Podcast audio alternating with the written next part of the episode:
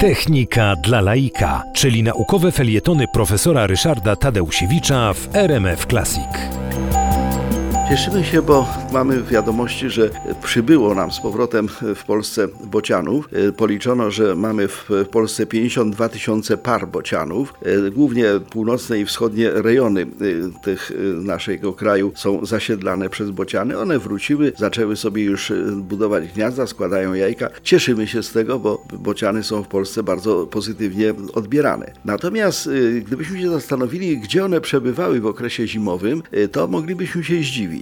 Dawniej wystarczało nam stwierdzenie, że no były w ciepłych krajach i już, nic więcej. No ale potem zaczęto e, badać dokładniej ich losy. E, Takim pierwszą przygodą, która miała miejsce, e, to był taki bocian z Botthammer w Mecklenburgii, który przyleciał do rodzinnego gniazda ze strzałą w szyi. Strzałą z całą pewnością pochodzenia afrykańskiego. Właściciel tego dworku zabił bociana, no, a naukowcy stwierdzili, że on był na pewno postrzelony w Afryce. No więc w związku z tym mieliśmy dowód, że bociany przebywały mm, w czasie zimowania w Afryce. Natomiast y, później różnymi metodami obserwacji y, próbowano ustalić, gdzie dokładnie one się znajdują, ale na przykład tradycyjne obrączkowanie, y, które zwykle się wykorzystuje do śledzenia losów ptasich, nie wystarczało. Natomiast w chwili obecnej bocianom zakłada się takie obroże z GPS, czyli po prostu z lokalizatorem, który na podstawie badań satelitarnych i telefonii komórkowej określa, gdzie te bociany się znajdują. I dowiedzieliśmy się rzeczy ciekawej. Po pierwsze, dowiedzieliśmy się, że bociany już nie chcą lecieć tak bardzo daleko.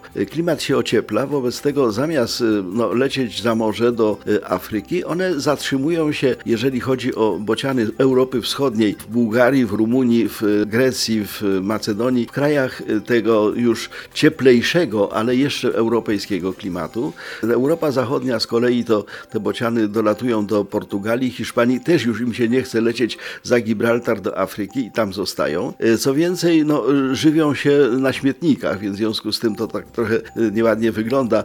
Pierwsi ornitolodzy mówili, no dawniej to widzieliśmy na tych kamerkach, które były zamontowane, pasące się słonie, żyrafy i tak dalej, a teraz widzimy śmietniska i bezpańskie psy. Tak to zeszło na psy, niestety również z bocianami.